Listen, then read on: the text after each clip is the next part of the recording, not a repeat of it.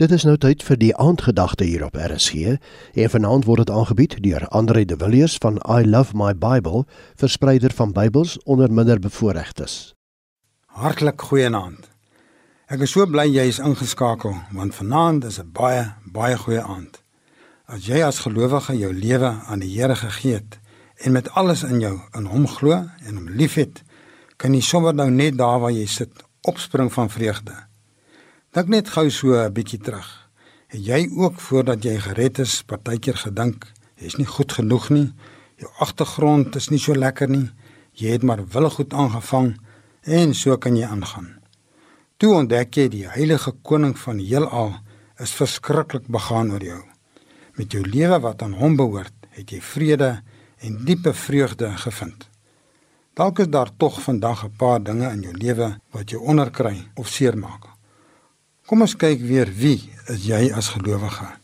En ons luister bietjie na die woorde van Leon Ferreira se bekende liedjie. My pa is die koning van die heelal, jy weet.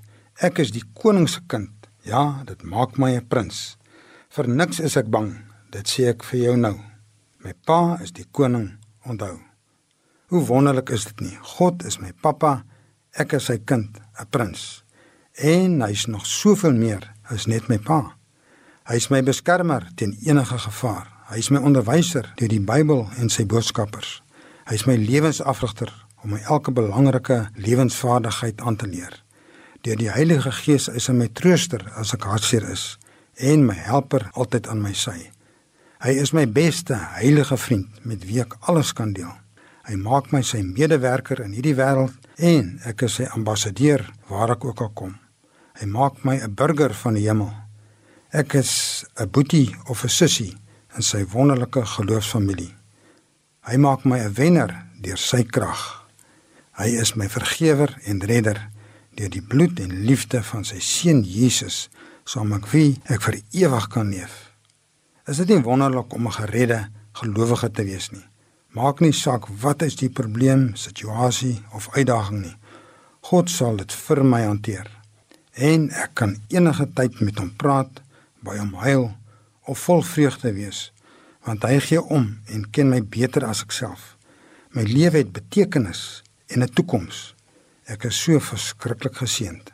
In Romeine 8 vers 38 lees ons dat absoluut niks tussen God en sy liefde vir ons kan kom nie.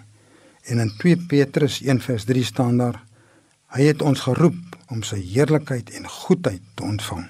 Hoe kan ons anders as om diep dankbaar en vol blydskap te wees? Kom ons bid saam. Dankie, dankie, dankie Vader God, my koning en my alles, dat U my lewe so seën. Amen. Die aandgedagte vanaand is aangebied deur Andre de Villiers van I Love My Bible, verspreider van Bybels onder minderbevoorregtes.